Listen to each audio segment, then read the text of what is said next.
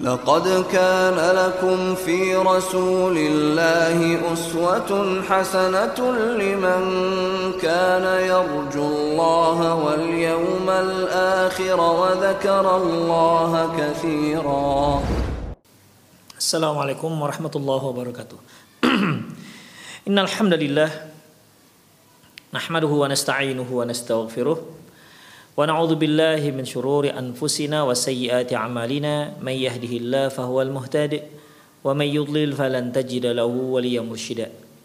أشهد أن لا إله إلا الله وحده لا شريك له وأشهد أن محمدا عبده ورسوله الذي لا نبي بعده.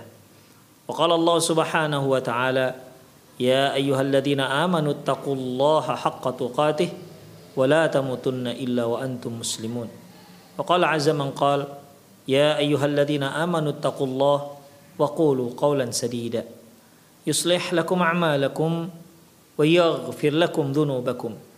ومن يطع الله ورسوله فقد فاز فوزا عظيما. يا أيها الناس اتقوا ربكم الذي خلقكم من نفس واحدة وخلق منها زوجها وبث منهما رجالا كثيرا ونساء.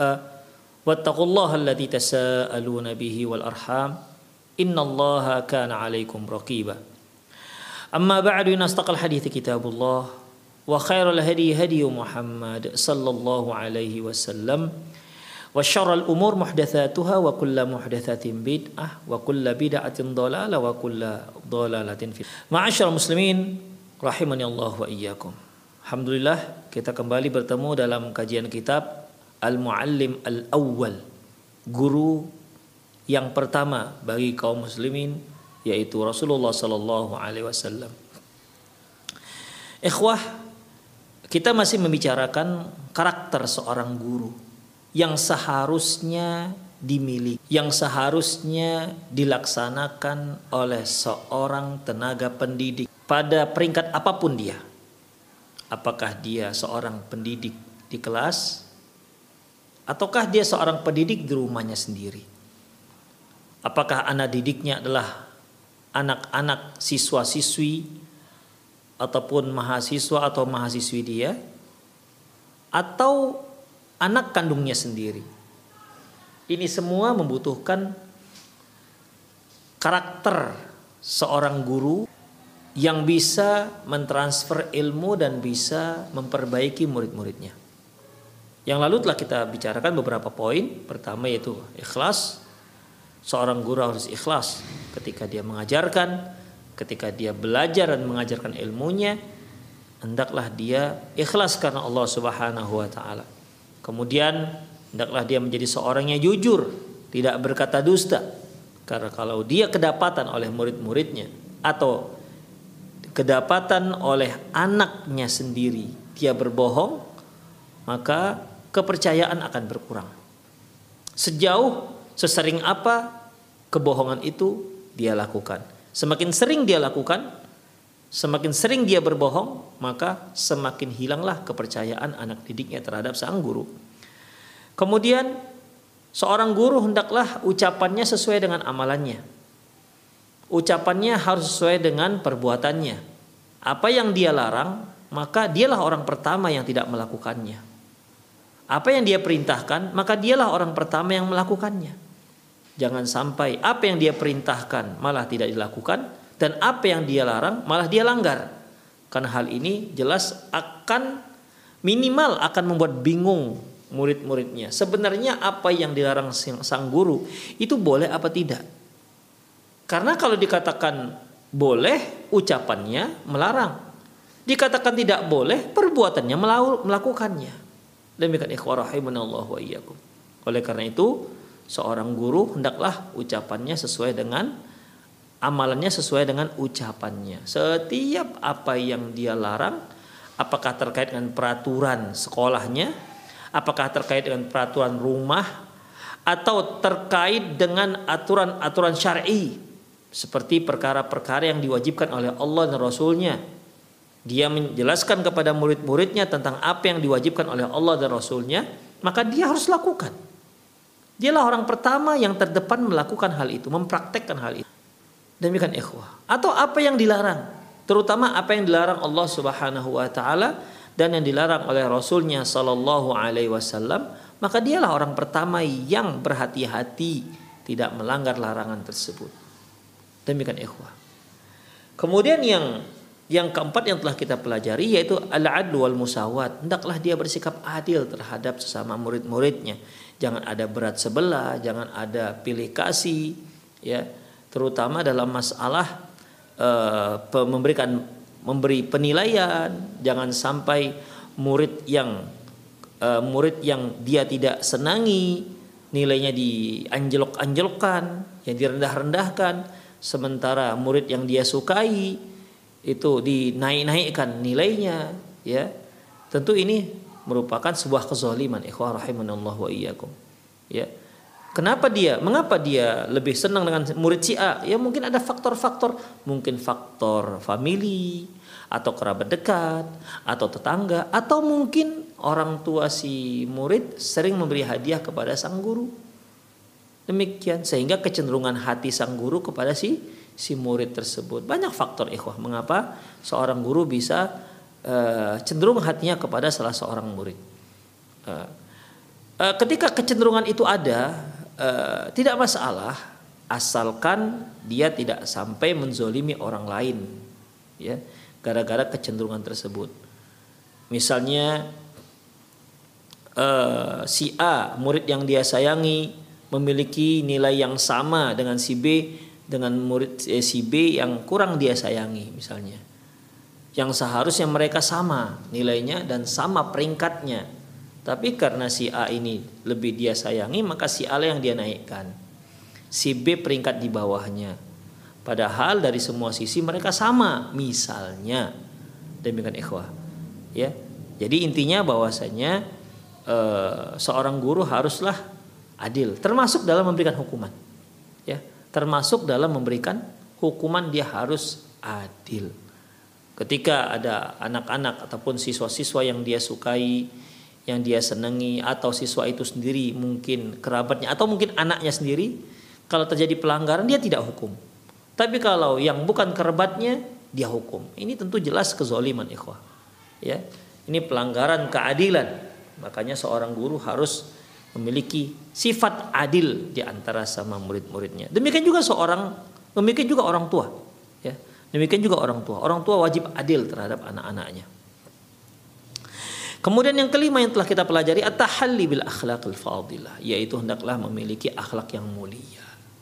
Ya, seorang guru jika dia kasar, ucapannya kotor, eh, perbuatannya juga kasar, ya akhlaknya tidak baik, tentu hal ini ikhwah e, berdampak buruk terhadap terhadap murid-muridnya. Berikutnya at-tawadhu'ul muallim. Hendaklah seorang guru itu memiliki sifat tawadhu. Tawadhu itu ikhwah rendah hati. Ya, rendah hati. Lawannya takabur. Takabur itu merak takabur, sombong. Ya Orang yang rendah hati ini ikhwah, dia lebih mudah bergaul dengan murid-muridnya. Seorang guru yang rendah hati, dia bisa bergabung dengan murid-muridnya. Dia nyaman gabung dengan murid-muridnya. Murid-muridnya juga gab, nyaman bergabung dengan gurunya tersebut. Kenapa? Gurunya rendah hati. Ya, mudah berkomunikasi, mudah membantu murid-muridnya, ringan apa ringan tangan dengan artian apa namanya suka membantu murid-muridnya, suka memberikan uh, solusi kepada murid-murid yang sedang ada masalah. Demikian dekat dengan murid-muridnya. Itulah daripada efek daripada tawadhu. At-tawadhu khuluqun hamidun. Tawadhu merupakan akhlak yang mulia. Tutfi ala sahibati ijlalan wa mahabatan. Akan menambah seorang yang tawadu maka dia akan semakin mulia dan semakin berwibawa. Wa man zanna anna tawadhu'a khuluqun mardhulatu mardhulun yang bagi tajannabu tajannabuha tajannabuha wa tarku takhalluq bihi faqad akhta wa ab'ad an-naj'ah. Barang siapa yang mengira bahwasanya tawadhu merupakan akhlak yang tidak baik yang harus dijauhi atau tinggalkan berarti dia telah ber, dia telah salah ya dia telah salah dan jauh dari kebenaran. Artinya kalau ada yang mengatakan mungkin ada orang-orang yang mengira kalau tawadu itu seperti orang rendah. Ya. Yang tidak mengerti seberapa level uh, peringkat dia.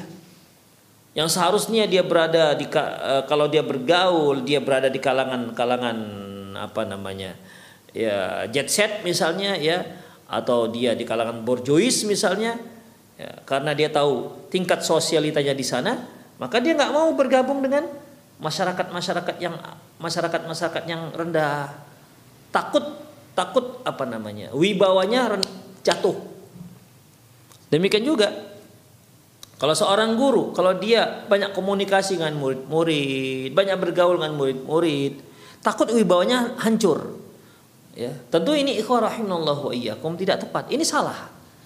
Ya, tawadhu itu bukan tidak akan tidak akan merusak seseorang, nama seseorang. Bahkan ikhwah Rasulullah Shallallahu alaihi wasallam mengatakan man tawadhu alillah rafa'ah. Barang siapa yang tawadhu, rendah hati, ingat karena Allah rafa'ah, maka Allah Subhanahu wa taala akan mengangkat derajatnya. Ada sih orang-orang tawadhu karena acting ya supaya dia dipuji orang masya Allah. Dia guru yang tawadu ustadz yang tawadu. Ketika dia berbicara dia berkata ya saya ini ilmu saya sedikit. Nah itu kan ucapan ucapan ucapan ucapan tawadu. Ilmu saya sedikit dibandingkan ustadz itu saya apalah. Diucapkan ucapan-ucapan itu di hadapan jamaahnya ya. Kalau memang itu ada dari dalam muncul dari dalam maka Allah akan angkat derajatnya. Tapi kalau itu hanya sekedar pura-pura tawadu, pura-pura ya, pura-pura tawadu. Jadi dia pura-pura tawadu ya untuk mengangkat namanya ya, untuk mengangkat ratingnya, maka ikhwah Allah nggak akan naikkan dia. Allah tidak akan naikkan derajatnya. Yang Allah naikkan derajatnya yaitu orang yang tawadu tapi ikhlas karena Allah, bukan untuk menaikkan mutu bukan untuk menaikkan rating penilaian orang lain seperti pencitraan. Demikian ikhwah. Allah nggak akan naikkan ikhwah. Makanya tawadhu itu perlu ikhlas. Ya. Tawadhu itu perlu ikhlas. Dia sebenarnya merasa dia lebih alim dibandingkan ustadz-ustadz yang lain misalnya. Tapi dia pura-pura merendah. Saya nggak tahu apa-apa. Ustadz itu lebih begini begini. Demikian ikhwah. Ini masalah-masalah yang terkadang ada pada sebagian orang Sepertinya tawadhu padahal tidak. Ya, sepertinya dia tawadhu padahal tidak. Demikian ikhwah azinallahu. Wa hasbuka bi imamin atqiya mathalan sallallahu alaihi wasallam. Cukup bagi kalian ya, yaitu Rasulullah SAW imamnya para orang-orang mutakin sebagai permisalan. Artinya memang Pak Rasulullah adalah seorang yang paling tawadhu karena Allah Subhanahu wa taala. Wattawadu'u wa in kana min lawazimihi dhil. Dhillun ya. Tawadu walaupun di situ ada unsur rendah. Ya. Fahuwa in kana fi janibillahi fama aladzuhu min dhilli ma atyabuhu. Kalau memang dia rendah karena Allah Subhanahu wa taala rendah diri, rendah merendahkan dirinya di samping Allah Subhanahu wa taala di hadapan Allah Subhanahu wa taala sungguh indah tawaduk seperti ini. Sungguh indah merendahkan diri seperti ini. Kenapa? Dia merendahkan diri di hadapan Allah Subhanahu wa taala. Al-ubudiyyah la tatahaqqu wa la takmulu illa bidhillillah bidhillillah wal inkisar baina yadayhi karena penyembahan diri, penghambaan diri tidak akan mungkin bisa terrealisasi dan tidak akan mungkin sempurna dilaksanakan kecuali dengan merasa rendah diri, rendah di hadapan Allah Subhanahu wa taala. Wa amma dhillul ladzi yakunu fi janibil makhluqin fahuwa fi haqqil mu'minina khassah. Adapun rendah ya, perasaan rendah untuk makhluk maka dia khusus hanya untuk orang-orang mukmin saja. Tidak untuk orang yang selain mukmin. Qala ta'ala adillatin 'alal mu'minin. Sesungguhnya para sahabat itu adillatin alal mu'minin. Mereka merendahkan diri mereka di hadapan orang-orang mukmin. Wa izzatin alal kafirin dan mereka berwibawa ya. Mereka uh, tegas di hadapan orang-orang kafir. Surah Al-Maidah ayat 54. Fahum lil mu'minina adillah. Mereka ya, orang-orang mukmin, kaum muslimin, mereka rendah merendahkan dirinya di hadapan orang-orang mukmin, tidak merasa dia lebih hebat, tidak merasa dia lebih kaya, tidak merasa dia lebih cerdas, tidak merasa orang lain itu rendah di bawah mereka. Rendah. Demikian ikhwah, tidak memandang sebelah orang-orang mukmin, siapa pun dia. Karena dia tahu bahwasanya inna akramakum indallahi atqakum. Sesungguhnya orang yang paling mulia di antara kalian adalah orang-orang yang bertakwa. Bukan yang paling tampan, bukan yang paling kaya, bukan yang paling tinggi jabatannya, bukan yang paling banyak hartanya, bukan yang paling cantik istrinya, bukan yang paling tinggi sekolahnya, bukan. Tapi atqakum orang yang paling bertakwa dan dia tahu demikian. Dan Rasulullah Shallallahu Alaihi Wasallam pernah mengatakan bersabda, La idkhul jannah man kana fi qalbi mithqala habatin minal minal kibr tidak akan masuk surga seorang yang dalam hatinya ada takabur sebesar biji sawi.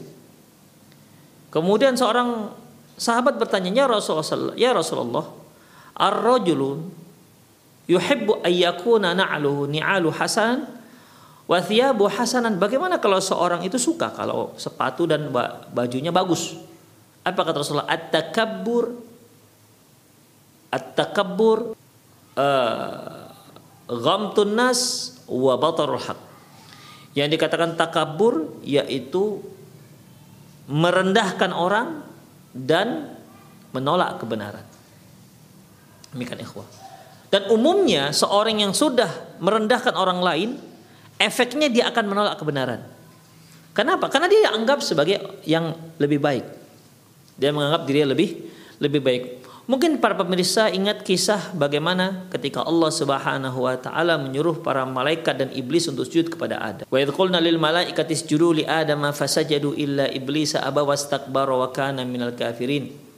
Ketika kami berkata kepada malaikat, sujudlah kalian semua kepada Adam, maka semua mereka sujud. Malaikat, malaikat semua sujud. Illa iblis kecuali iblis. Iblis nggak mau sujud. Aba wastakbar. Dia enggan dan dia kabur. Ya, dia enggan dan fakana minal kafirin dan dia termasuk termasuk makhluk Allah yang kafir. Kemudian Allah Subhanahu wa taala bertanya kepadanya, "Kenapa dia nggak mau sujud?" Dan sebenarnya Allah tahu, dia bukan nggak tahu. Apa kata Allah Subhanahu wa taala kepada si iblis? "Ma mana'aka alla tasjuda id amartuk?" Hei iblis, kenapa kamu nggak mau sujud? Kan aku yang suruh. Dengan angkuhnya iblis mengatakan ana khairum minhu, aku lebih baik dibandingkan dia. Khalaqatani min nar wa khalaqatahu min tin. Engkau ciptakan aku dari api dan engkau ciptakan si Adam dari tanah. Dengan tegas si iblis mengatakan dia lebih baik ketimbang Adam. Dia lebih mulia ketimbang Adam. Alasannya hanya dari asal muasal ciptaan. Si Adam dari tanah, iblis dari dari api. Dia menganggap dari asal muasalnya ini saja sudah cukup membuat seorang lebih tinggi derajatnya dibandingkan yang lain. Salah. Ya, salah. Persangkaan ini jelas ini persangkaan dan ini jelas salah ikhwah. Rahimanallah wa iyyakum. Karena memang orang yang mulia itu bukan dari asal muasal ciptaannya. Bukan dari suku bangsanya. Bukan dari warna kulitnya. Bukan dari jabatannya, bukan dari kekayaannya, bukan yang paling mulia di sisi Allah adalah yang paling bertakwa, yang paling taat kepada Allah Subhanahu wa taala. Makanya kan Allah marah, Allah usir dia dari surga. Demikian ikhwah rahimanallah wa iyyakum. Oleh karena itu fahum lil mu'minina adillah. Mereka itu mereka itu rendah pada orang mukmin. Tidak merasa hebat. Tidak merasa apa namanya? Tidak merasa lebih ya. Tidak merasa lebih dibandingkan mereka. Demikian ikhwah. Orang-orang yang merasa dirinya lebih itu akan muncul dari bahasa-bahasanya. Ya, bahasa merendahkan dan bahasa-bahasa yang lainnya. Demikian ikhwah. Min mahabbatihim lahum wa nushihim lahum wa linihim walinihim wa ra'fatihim wa rahmatihi bihim wa rahmatihim bihim wa suhulati janibihim wa qurbi syai' alladhi yatlubu minhum.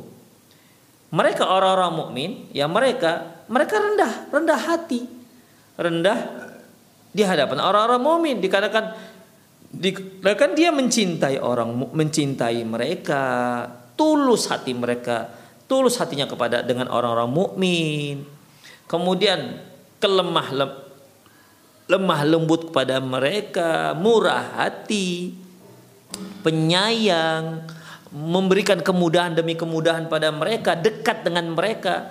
Demikian ikhwah. Inilah karakter seorang mukmin terhadap mukmin yang lain. Terhadap karakter seorang Islam muslim kepada muslim yang lain. Dia rendah ikhwah. Dia merasa dirinya tidak ada apa-apa di hadapan orang-orang mukmin. Demikian. Ketika dia melihat orang yang lebih tua, dia merasa ya Allah sudah banyak sekali pahala Bapak. Ketika dia melihat yang lebih muda, dia mengatakan ya Allah masih sedikit dosa dia. Tidak sama seperti saya. Saya yang jauh lebih tua, lebih banyak dosa. Dia melihat orang kaya, dia melihat orang kaya dinilai Masya Allah, sungguh sudah banyak pahalanya, dia punya harta. Banyak hal yang bisa dia gunakan. Ketika dia melihat Ketika dia melihat orang miskin, masya Allah, sedikit sekali nanti hisap dia. Intinya apa yang dia lihat selalu selalu lebih dibandingkan dirinya. Orang yang seperti ini, ikhwah, orang yang seperti ini, dia tidak akan dia tidak akan merendahkan orang lain. Ya, dia tidak akan merendahkan orang lain. Karena dia tahu yang tinggi itu hanya orang yang bertakwa kepada Allah Subhanahu wa taala. Orang yang paling takwa. Atqakum inna akramakum indallahi atqakum sungguhnya orang yang paling mulia di sisi Allah adalah yang paling bertakwa. Wal muallimu fi amassi al hajati ila takhalluqi biha bidzal khulqi al azim kita lihat bagaimana uh, pentingnya sikap tawadhu terhadap orang-orang mukmin. Tulus sayang lembut ya rendah hati pada mereka. Maka seorang guru adalah orang yang paling sangat membutuhkan akhlak mulia ini. Lima fihi min tahqiqil iqtida'i bisayyidil mursalin. Dikarenakan dia harus dia dia harus merealisasikan sebagai orang yang mengikuti jejak Rasulullah sallallahu alaihi wasallam. Walima fihi minan naf'il 'azim lil muta'allimin dan itu juga sangat bermanfaat untuk murid-muridnya. Ya. Jadi bukan hanya dia yang bermanfaat dia bisa mengambil faedah dari sikap tawaduk dia. Bahkan murid-muridnya juga akan bermanfaat, merasakan manfaat tawaduk itu.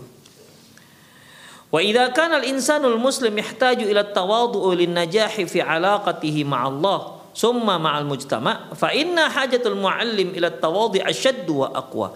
Apabila seorang insan, seorang muslim sangat membutuhkan sifat tawadhu agar dia bisa dekat agar hubungan dia dengan Allah itu bisa semakin dekat.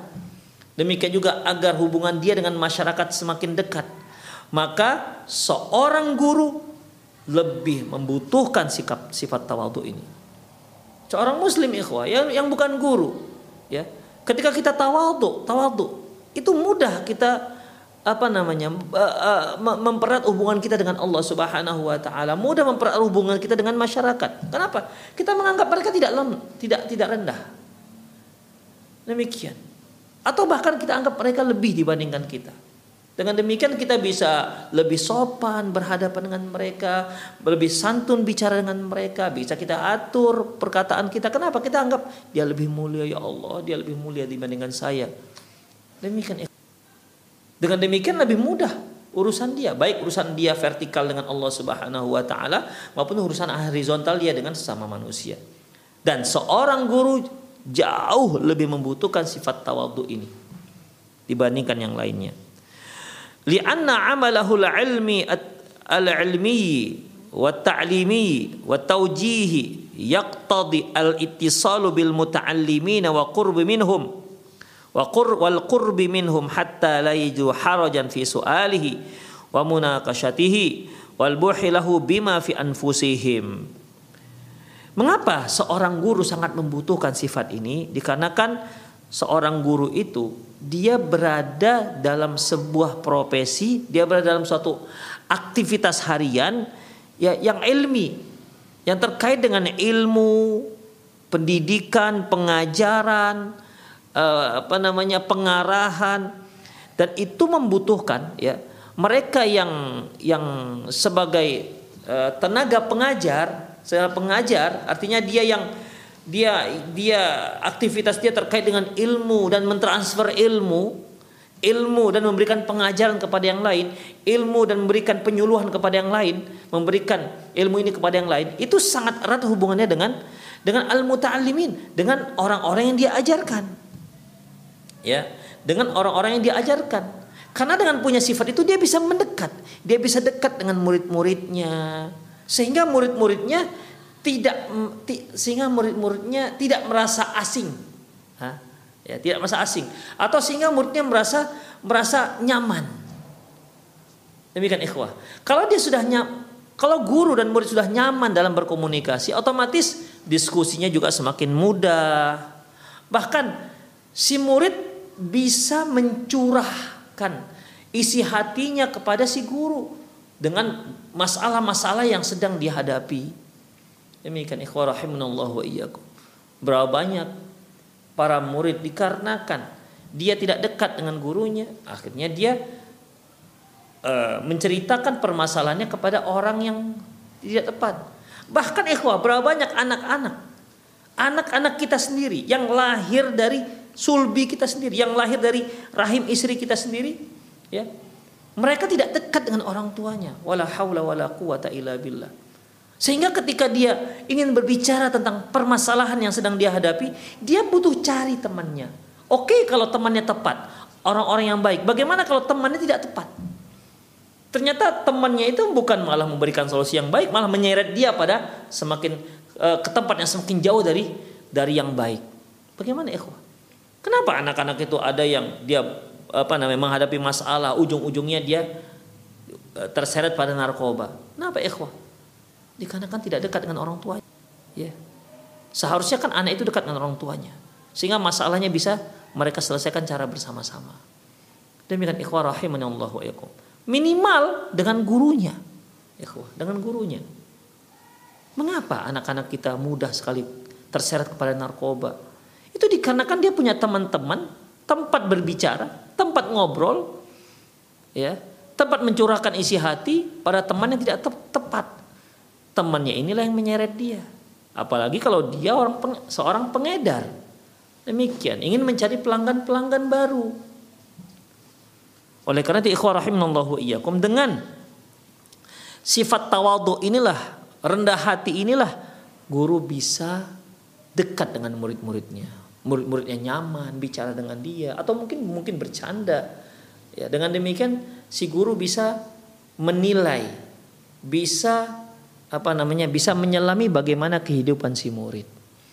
Terkadang ada seorang murid itu ikhwah, dia prestasi belajarnya rendah.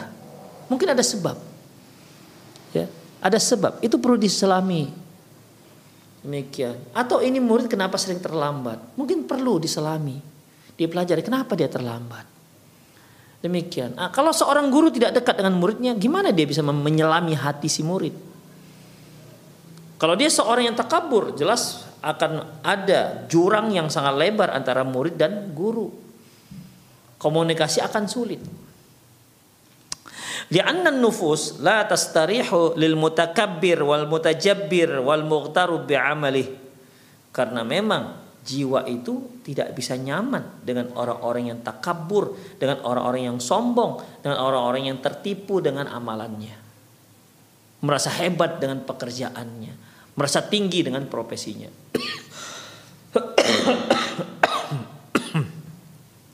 Taib wa ilaika ba'dul amthilati min tawadhihi sallallahu alaihi wasallam. Berikut kita akan cantumkan, bacakan beberapa contoh tawaduknya Rasulullah sallallahu alaihi wasallam. Yang pertama ikhwah rahimani Allah wa iyyakum yaitu hadis yang diriwayatkan oleh Imam Abu Daud Ibnu Majah dalam kitab Zuhud. Qala Rasulullah sallallahu alaihi wasallam Rasulullah sallallahu alaihi wasallam bersabda, Inna Allah auha ilayya an tawada'u hatta la yafkhar ahadun ala ahadin wala yabghi ahadun ala ahadin. Sesungguhnya Allah telah mewahyukan kepadaku untuk bersikap tawadhu, untuk bersikap rendah hati. Jangan sampai ada seorang yang sombong, menyombongkan diri pada yang lain, menganggap lebih hebat dibandingkan yang lain. Dan jangan sampai ada orang yang menzolimi orang lain. Demikian ikhwah. Mengapa terjadinya kezoliman-kezoliman? Karena dia merasa hebat ikhwah. Dia merasa lebih kuat. Maka terjadilah yang namanya kezoliman. Demikian. Mengapa dia sombong? Karena dia merasa lebih hebat dibandingkan orang lain. Jadi dia menyombongkan dirinya. Ya, walaupun terkadang orang yang menyombongkan dirinya itu orang lain melihat bukan malah semakin mulia, maka tidak. Ya. Terkadang orang yang merasa dirinya hebat, orang lain merasa nggak hebat, nggak ada apa-apanya. Ini lebih parah lagi, ikhwah. Ya. Kalau ada seorang merasa hebat dan dia memang hebat, dia merasa tinggi jabatan dan memang jabatannya tinggi, maka ya ini hanya membuat dia akan uh, ada gap, ada jurang pemisah antara dia dan orang-orang lain. Tapi kalau dia merasa hebat, orang melihat dia nggak hebat. Dia merasa lebih tinggi, orang merasa dia nggak ada apa-apanya. Ini bukan hanya membuat ada gap antara dia dan orang lain, tapi orang menghinakan dia, ya, merendahkan dia. Eh, nggak tahu diri, gitulah kira-kira. Nggak ngaca ini orang. Demikian ikhwah rahimanallah wa Ya, jadi Allah Subhanahu wa taala melarang ya melarang kita takabur. Hendaklah kita bersikap tawadhu, terutama seorang guru. Kemudian dalam hadis yang diriwayatkan oleh Imam Bukhari an Anas bin Malik radhiyallahu anhu beliau berkata Innal ummata min imai inna innal amata min ima'il Madinah la ta'khudhu biyadin Nabi SAW fatantaliqu bi haitsu sya'at. Sungguh ada seorang hamba sahaya perempuan Ya, kita tahu bagaimana tingkat sosialita hamba. Tentunya berada di bawah peringkat ataupun tingkat orang-orang yang merdeka. Ya, hamba ini kan bisa diperjualbelikan. Orang yang merdeka bisa memiliki seorang seorang hamba. Jadi seorang hamba sahaya yang perempuan ini, ikhwah. Apa yang dia lakukan? Dia pergi menghadap Rasulullah, dia pegang tangan Rasulullah. Dan dia menarik ditariknya tangan Rasulullah mungkin dia menunjukkan apa begitu Rasulullah pergi ya ngikutin sesuai ke mana dia dibawa si hamba sahaya ini. Ikhwah seorang kepala negara seorang panglima seorang ketua mahkamah agung. Bahkan dia lebih daripada itu semua yaitu utusan Rabbul Alamin. Dia ngikutin ke mana dibawa oleh seorang hamba. Wala haula wala quwata illa billah subhanallah Allahu akbar. Dia adalah Rasulullah SAW. Kita kadang-kadang. Diajak anak kita dibawa ayo ayo bi nengok ini. Kita ala sibuk segala macam. Ya kita tidak menurut la ilaha illallah. Sementara anak kita ingin menunjukkan sesuatu kepada kita apalah salahnya kita ikut. Kita tinggalkan sebentar pekerjaan kita. Tinggalkan sebentar ikhwah. Untuk anak kita ini sebentarnya. Ya sebentarnya. Ikuti apa yang dia mau. Mungkin ada sesuatu yang bermanfaat untuk dia.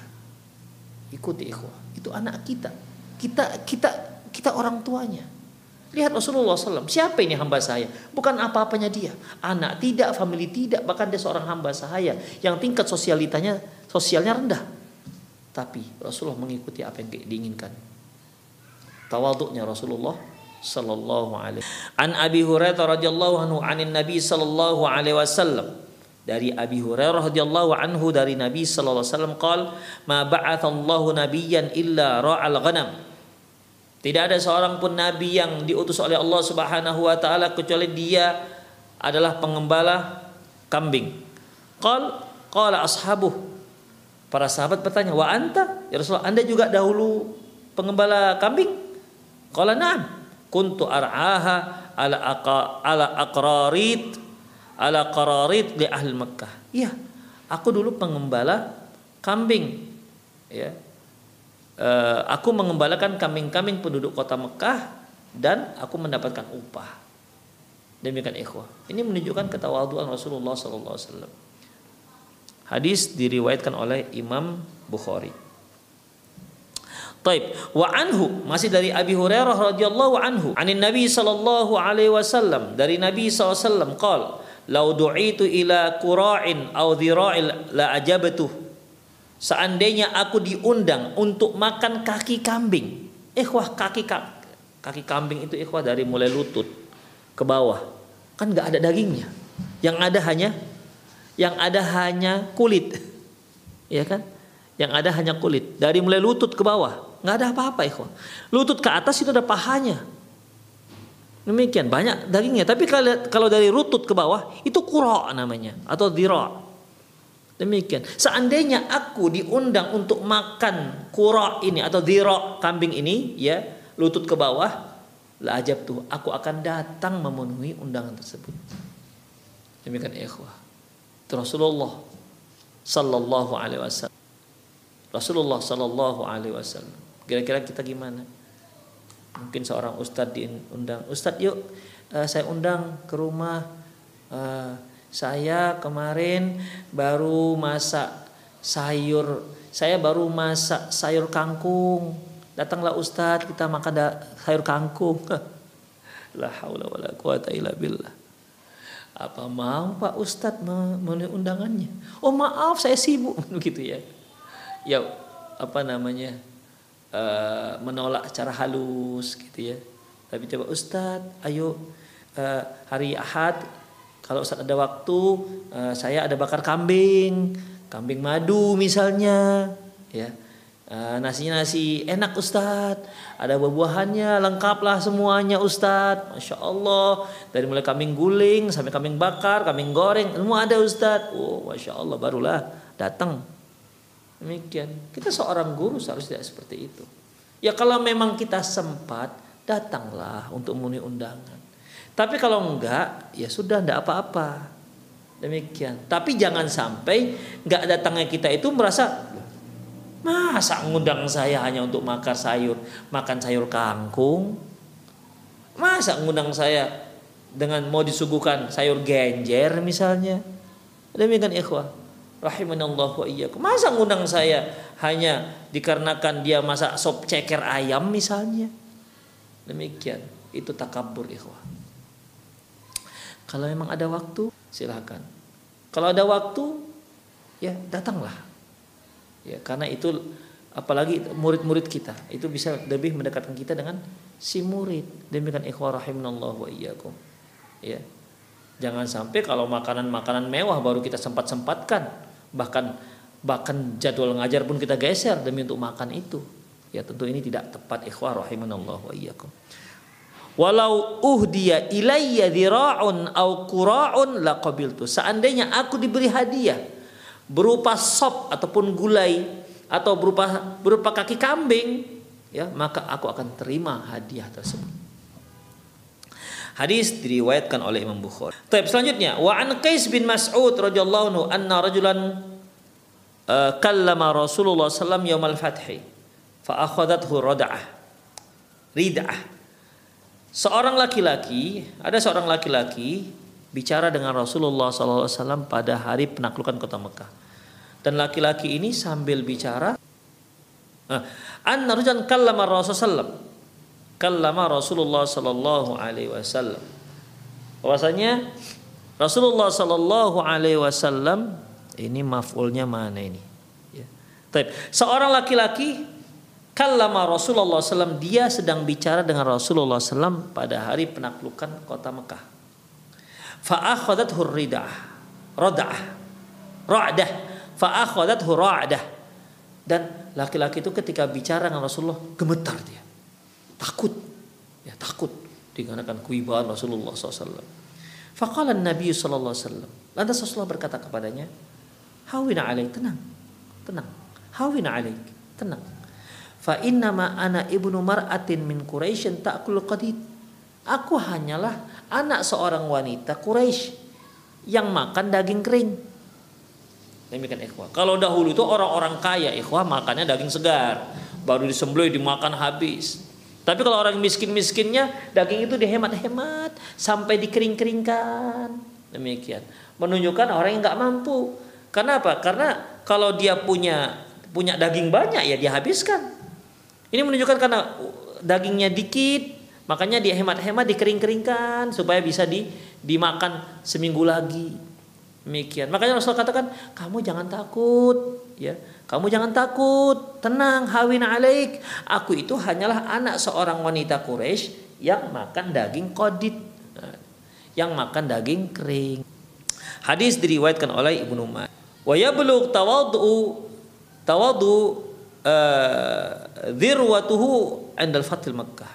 Dan ketawaduan Rasulullah SAW sampai puncaknya di saat beliau menaklukkan kota Mekah. Di saat beliau menaklukkan kota Mekah. Yaqulu Ibnu Ishaq berkata Ibnu Ishaq haddatsani Abdullah bin Abi Bakar bin Abi Bakar telah menceritakan kepadaku Abdullah bin Abi Bakar anna Rasulullah SAW la yada'u ra'sahu tawadu'an lillahi hina ra'a ma akramahu Allah bimal fatah sungguh Rasulullah sallallahu alaihi wasallam meletakkan kepalanya meletakkan kepalanya ketika uh, meletakkan kepalanya menunjukkan tawaduk beliau karena Allah pada Allah Subhanahu wa taala karena beliau melihat Allah telah memuliakan beliau dengan menaklukkan kota Mekah. Hatta inna athwat athnun uh, la yakadu yamussu wasata rihlah. Sampai-sampai jenggotnya itu hampir apa? Hampir mengenai pelana. Jadi saking tunduknya begini. Ya. Umumnya kan kalau seorang yang berhasil pimpinan perang berhasil menaklukkan kota yang dia perangi itu kan wah iya kan dia terlihat menggagahkan diri dia dia membusungkan dada. Ternyata Rasulullah tidak. Ketika Allah Subhanahu wa taala menaklukkan kota Mekah beliau tunduk begini. Masuk ke kota Mekah dan tunduk. Sampai jenggot itu hampir terkena pelananya Demikian ikhwah. Qala al-Hafidh al-Baihaqi. Berkata al-Hafidh al-Baihaqi an Anas bin Malik. Dari Anas bin Malik qol dakhala Rasulullah SAW yaum al-fati wa daqnuhu ala rahilatihi mutakhasyian Rasulullah Sallallahu Alaihi Wasallam masuk ke kota Mekah pada hari perang kota Mekah dahi da, apa da, dagunya melekat ke rohilati, hampir lekat ke ke pelana untanya. Ya. Mutakhasyian mengkhusyukkan diri sebagai ketundukan pada Allah Subhanahu wa taala. Ara'aitum tawadu'an a'zamu min dhalik? Apakah kalian ada melihat orang tawadhu lebih daripada itu? Qaidun yaghfaru bi khusumihi alladhina akhrajuhu min baladihi wa qataluhu wa sabbuhu.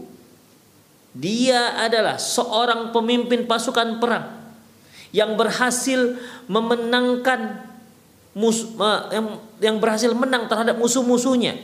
Di mana musuh-musuhnya itu adalah yang sempat pernah mengusir dia dari kampungnya, dari negerinya, sempat memeranginya, penduduk kampung itu yang sempat mengeluarkan dia, mengusir dia dari keluarganya, dari kampungnya, sempat memengerangi dia dan sempat dan pernah menghina-dina dia, menghina-hina menghina-hina beliau.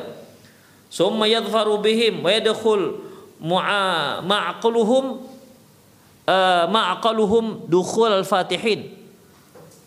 Kemudian ternyata beliau berhasil mengalahkan mereka.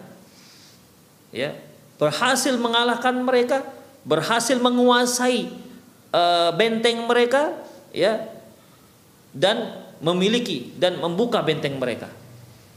Wa ma'adzalika yuta'ti'u ra'suh indan tisari ala aduwihi tawadu'an lillahi syukran fama a'zamuhu min qa'idin. Namun begitu pun beliau masuk ke tempat daerah wilayah yang ditaklukkan di mana penduduknya dahulu telah sempat pernah mengusir beliau ya sehingga beliau hijrah ke kota Mekah ke kota Madinah sempat menyiksa para sahabat beliau yang masuk Islam sempat menghina-hina beliau ya sempat mengintimidasi beliau dahulu. Sekarang beliau menang. Beliau yang menguasai mereka yang apabila Rasulullah katakan bunuh semua mereka maka dipenggal semua leher penduduk tersebut tapi beliau tidak lakukan. Beliau seorang tawadu. Beliau masuk dengan dengan dengan uh, kepala yang direndahkan. Tawadu. Tawadu karena Allah Subhanahu wa taala. Khusyuk karena Allah Subhanahu wa taala. Sekaligus sebagai tanda syukur pada Allah Subhanahu wa taala karena beliau telah berhasil menaklukkan kota Mekah. Ma'a'adhamuhu min qaid. Sungguh agung sekali pemimpin pasukan perang ini. Sungguh agung mulianya pemimpin ini. Wa ma ajalluhu min murabbi. Sungguh sangat mulia sang guru. Wa tawadu yudadu takabbur. Tawadu itu lawan daripada takabbur. Wa hiya khislatun damimatun la ta'udu ala sahibiha bin naf'i. Takabur, sombong, angkuh merupakan akhlak yang ter, tercela yang tidak ada manfaatnya sama sekali bagi si si pelakunya. Wa min atharit takabburil ladzi yusibu ba'dul muallimin fil mujtama'atil islami di antara pengaruh sombong, angkuh dan takabur itu pada diri seorang guru ya di tengah-tengah uh, masyarakat kaum muslimin yaitu juhuduhu lil haqqi wa adam khudu' lahu. Pengingkarannya terhadap kebenaran. Susah menerima kebenaran ikhwan. Ya menolak kebenaran. Ketika kita ketika kita membicarakan tentang sunnah Rasulullah sallallahu alaihi wasallam berbicara tentang syariat Allah Subhanahu wa taala dalilnya ini ini ini ini tak diterima. Kenapa? Karena dia takabur. Dia merasa lebih. Ya. Mungkin dia merasa dia lebih tua. Dia merasa lebih alim. Kok kamu lebih tahu dari saya? Padahal dalam hati kecilnya ikhwah dalam hati kecilnya dia tahu itu benar. Mungkin para bisa ingat kisah Firaun. Ketika Nabi Musa datang berdakwah kepada Firaun bahwasanya ente itu bukan Tuhan. Yang Tuhan itulah pencipta langit dan bumi. Demikian ikhwah Seraya Nabi Nabi Musa memperlihatkan mukjizat-mukjizat yang Allah Subhanahu wa taala berikan kepada beliau, bahkan mengalahkan tukang-tukang sihir yang terhebat pada waktu itu. Waktu itu ilmu sihir ilmu yang ilmu yang sudah sampai pada puncaknya. Dikalahkan oleh Nabi Musa. Firaun tahu ini bukan ini bukan tukang sihir, ini adalah seorang nabi. Tapi apa kata Allah? Wajahadu biha wastaiqanatha anfuhum dzulma wa dia mengingkari mak Nabi Musa. Tapi dalam hati kecilnya, dalam hatinya dia meyakini betul Musa ini. Kenapa? Tapi kenapa? Dia tolak zulma wa uluwa karena sifat zalim wa uluwa karena merasa hebat. Karena merasa tinggi. Karena merasa lebih dibandingkan Musa. Dia mikir ini Musa anak yang aku dapati di pinggir sungai. Aku seorang raja, masa aku bisa taat kepada dia? Merasa lebih hebat. Akhirnya ikhwah seorang kalau sudah merasa lebih hebat dari orang yang mendakwahi dia dia akan menolak dakwah tersebut. Walaupun dakwah tersebut benar. Demikian ikhwah rahiman Allah wa iyyakum. Itu yang pertama menolak kebenaran. Seorang guru jika dia memiliki sifat takabur dia akan menolak. Wal ghurur bima ladaihi min ilmi ma'anna qalil. Yang kedua tertipu dengan ilmunya. Ya. Padahal sedikit dia merasa dia lebih alim, dia merasa lebih hebat, lebih lebih tahu padahal sedikit yang dia ketahui. Itulah akibat takabur tadi ikhwah. Rahimanallah wa iyyakum. Tarku talab ilmi li dhannihi anna qad alima wa fahima kull syai. Yang ketiga, pengaruh buruknya yaitu dia meninggalkan, dia tidak lagi dia tidak lagi menuntut ilmu karena dia mengira dia sudah tahu dan faham semuanya. Nauzubillah min dzalik. Itu gara-gara apa? Gara-gara takabur, gara-gara sombong dan angkuh. Demikian ikhwah rahimanallah wa iyyakum. Ala kulli hal, ya, khulasahnya bahwasanya atharut tawadu laisa qasran 'ala al-muallim, bal yata'addahu ila tullab yu'athiru fihim ijaban. Bahwasanya sifat tawadu itu tidak pengaruhnya tidak hanya pada diri seorang guru Seorang guru jika dia bersifat bersikap tawadhu, pengaruh baiknya tidak hanya pada dia, tapi juga berpengaruh terhadap murid-muridnya. Pengaruhnya akan menimbulkan eh, apa pengaruh yang positif terhadap murid-muridnya. At-tawadhu sababun fi izalatil hawajiz bainal muallim wa tilmidhi. Tawadhu akan menghilangkan gap, celah. Ya. antara guru dan murid. Jadi mereka bisa berbaur. Guru bisa berbaur dengan murid-muridnya. Kalau dia bisa berbaur dengan murid-muridnya, dia tahu apa permasalahan murid-muridnya. At-takabbur sababun linufuri tullab min muallimihim. Takabur adalah sebab menjauhnya murid-murid dari gurunya. Wal i'radu an talaqqil ilmi minhu. Dan keengganan sang murid untuk menimba ilmu dari si guru. Kenapa? Guru takabur. Ya. Dia adalah seorang yang yang takabur. Gak nyaman murid-murid bersama dia. Gak nyaman murid-murid mengambil ilmu dari dia. Demikian ikhwah rahimallahu wa iyyakum ya. Sifat seorang guru yaitu hendaklah dia memiliki sifat tawadhu ya, rendah hati terhadap murid-muridnya. Karena dengan demikian dia bisa mempelajari apa masalah si murid, apa masalah dia dalam menimba ilmu dan masalah-masalah yang lain. Semoga Allah Subhanahu wa taala memudahkan kita untuk bersikap tawadhu untuk bersikap tawadhu. Termasuk juga tawadhu kita terhadap anak-anak kita yang merupakan murid kita pertama di dunia ini. Dia yang utama. Dia yang nanti akan kita pertanggungjawabkan di hadapan Allah Subhanahu wa taala. Ya ayyuhalladzina amanu qu anfusakum ahlikum nar. Wahai orang yang beriman, selamatkan dirimu dan keluargamu. Demikian para pemirsa, semoga bermanfaat. Saya undur diri. Aku lu qouli hadza wa astaghfirullah li wa lakum. Walisa'il muslimin innahu wal ghafur rahim. Subhanakallahumma wa bihamdik. Asyhadu an la ilaha illa anta astaghfiruka wa ilaih. Wa sallallahu ala nabiyyina Muhammad wa ala alihi wa ashabihi ajma'in. Wa akhir da'wana alhamdulillahi rabbil alamin. Assalamualaikum warahmatullahi wabarakatuh.